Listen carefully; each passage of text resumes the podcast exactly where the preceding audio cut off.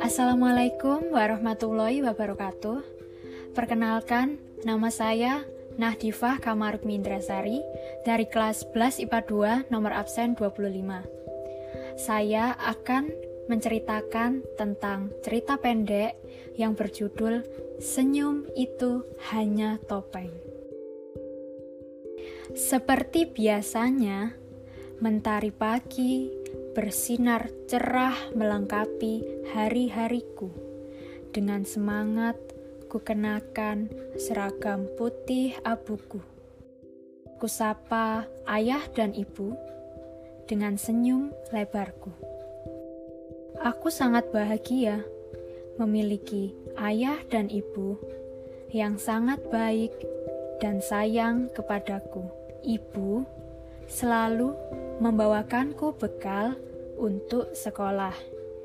Ibu dan ayahku selalu berusaha memberikan yang terbaik untuk putrinya, yaitu aku, Bintari Aisyah.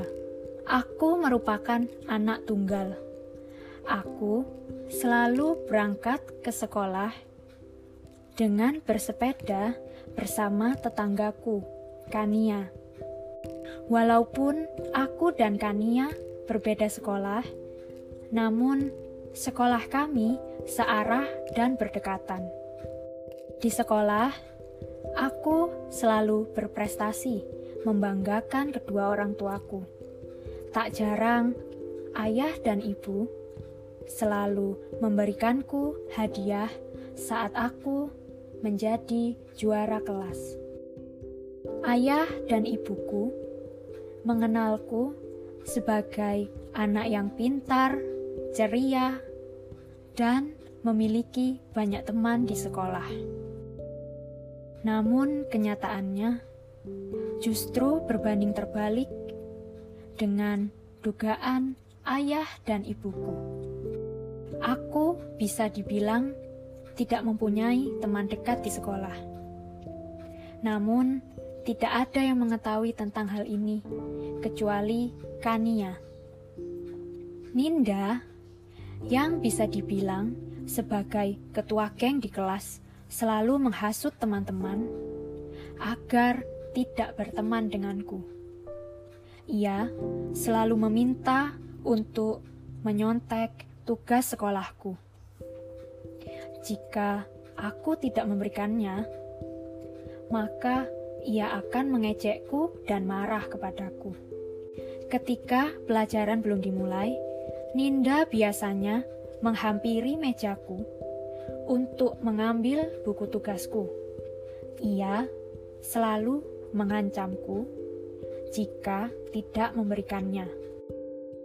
Aku hanya bisa diam sambil menahan air mataku agar tidak menangis di dalam kelas. Aku selalu ingin cepat pulang ke rumah, karena di rumah aku bertemu ayah dan ibuku yang menyayangiku dengan tulus. Namun, aku tidak berani bercerita kepada ibu dan ayahku karena aku takut akan membuat sedih ayah dan ibuku.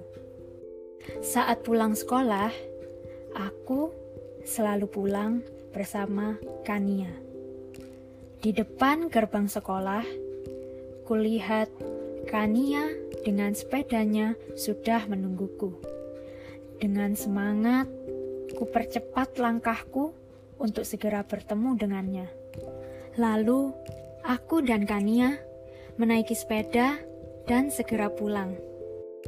Setibanya di rumah, aku selalu disambut oleh ibuku dengan senyuman ibu yang meneduhkan hati. Ketika melihat ibu tersenyum, rasanya semua rasa lelah dan kesalku saat di sekolah seketika hilang aku selalu memasang wajah yang ceria, seakan tidak terjadi apa-apa di sekolah.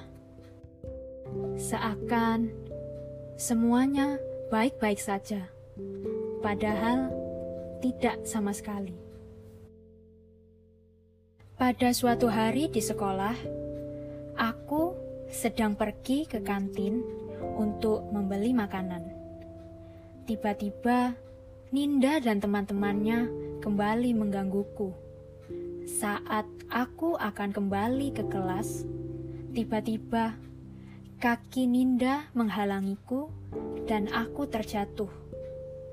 Sehingga makananku berhamburan di lantai. Semua orang yang melihat menertawakanku. Aku sangat malu dan tanpa sadar air mataku menetes membasahi pipi. Ninda yang melihatku menangis justru semakin senang karena ia merasa rencananya telah berhasil. Pada hari itu juga, aku merasa dunia tidak pernah berpihak kepadaku. Semua orang mengucilkanku. Aku sudah tidak tahan diperlakukan oleh Ninda seperti ini. Namun, aku tidak bisa berbuat apa-apa. Perlakuan Ninda pada hari itu benar-benar tidak bisa aku lupakan. Bahkan dapat menjadi luka yang membekas seumur hidupku. Kali ini aku benar-benar tidak bisa menahan rasa sedih dan kesalku. Sampai ketika bel pulang berbunyi, mataku masih sembab karena menangis tadi. Hingga saat aku bertemu Kania untuk pulang bersama. Kania pun terkejut saat melihatku dengan kondisi seperti ini. Setelah itu, aku menceritakan semuanya pada Kania tentang apa yang telah terjadi. Kania pun ikut geram melihat kelakuan Ninda. Tidak bisa dibiarkan itu tar, kata Kania dengan geram. Aku bantu untuk bilang pada ayah dan ibumu ya, agar Ninda tidak mengulanginya lagi. Sambung Kania. Tidak usah, ayah dan ibuku tidak perlu tahu. Jawabku merayu Kania. Setibanya di rumah, Ayah dan ibu sedang bersantai di teras rumah. Ternyata hari ini ayah pulang cepat. Sebisa mungkin aku menyembunyikan mata sembabku di depan ayah dan ibu. Tetapi aku gagal.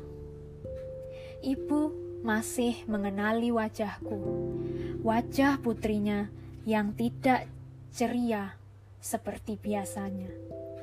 Namun, aku tidak bisa menjelaskannya.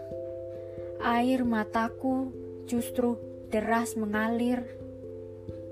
Tetapi Kania mencoba menjelaskan apa yang telah terjadi kepadaku.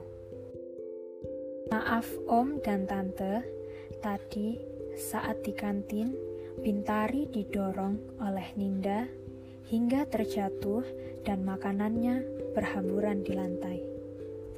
Kata Kania berusaha menjelaskan dengan ayah dan ibuku. Dan sebenarnya sudah lama Bintari selalu diganggu oleh Ninda dan teman-temannya di sekolah. Kata Kania lagi. Mendengar penjelasan dari Kania, ayah dan ibu langsung terkejut dan bertanya kepadaku mengenai hal tersebut. Nak, apakah benar apa yang diceritakan oleh Kania tadi? Tanya ibu. Iya bu, namun Bintari memang tidak pernah bercerita pada ayah dan ibu. Maafkan Bintari. Jawabku sambil mengusap air mataku. Kenapa kamu tidak cerita, Nak? Ayah dan ibu pasti akan membantu.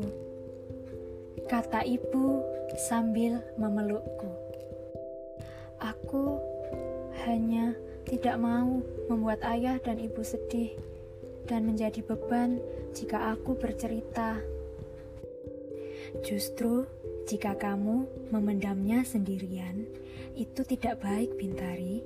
Ibu pasti selalu mendengar semua ceritamu dan semua keluh kesahmu, karena bagi ibu, kebahagiaanmu adalah yang nomor satu. Tutur ibu dengan penuh kasih sayang. Iya, Bu. Mulai sekarang, Bintari pasti akan bercerita jika ada masalah. Kataku dengan terharu mendengar perkataan ibu. Keesokan harinya, ayah dan ibuku melaporkan permasalahan yang terjadi antara aku dengan Ninda kepada ibu guru. Kemudian, ibu guru meminta Ninda dan teman-temannya untuk meminta maaf kepadaku. Akhirnya, Ninda pun sadar akan perbuatannya dan meminta maaf kepadaku. Begitupun dengan teman-temannya. Aku telah memaafkan perbuatan mereka semua. Karena ayah dan ibu selalu mengajarkanku untuk menjadi seseorang yang tabah, kuat, dan ikhlas dalam menghadapi semua permasalahan di dalam hidup, serta kejahatan tidak perlu dibalas dengan kejahatan pula, karena sejatinya Tuhan pasti membalas kebaikan kita dengan hal yang lebih indah. Memang terkadang kita merasa masalah yang kita hadapi sangat berat.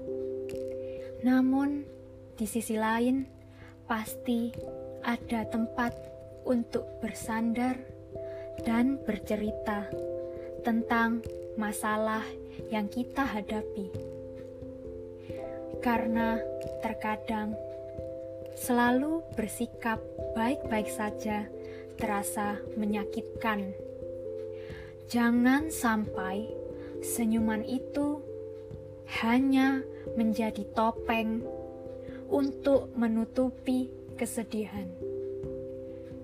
Aku pun menyadari bahwa keluarga merupakan tempat terbaik untuk pulang.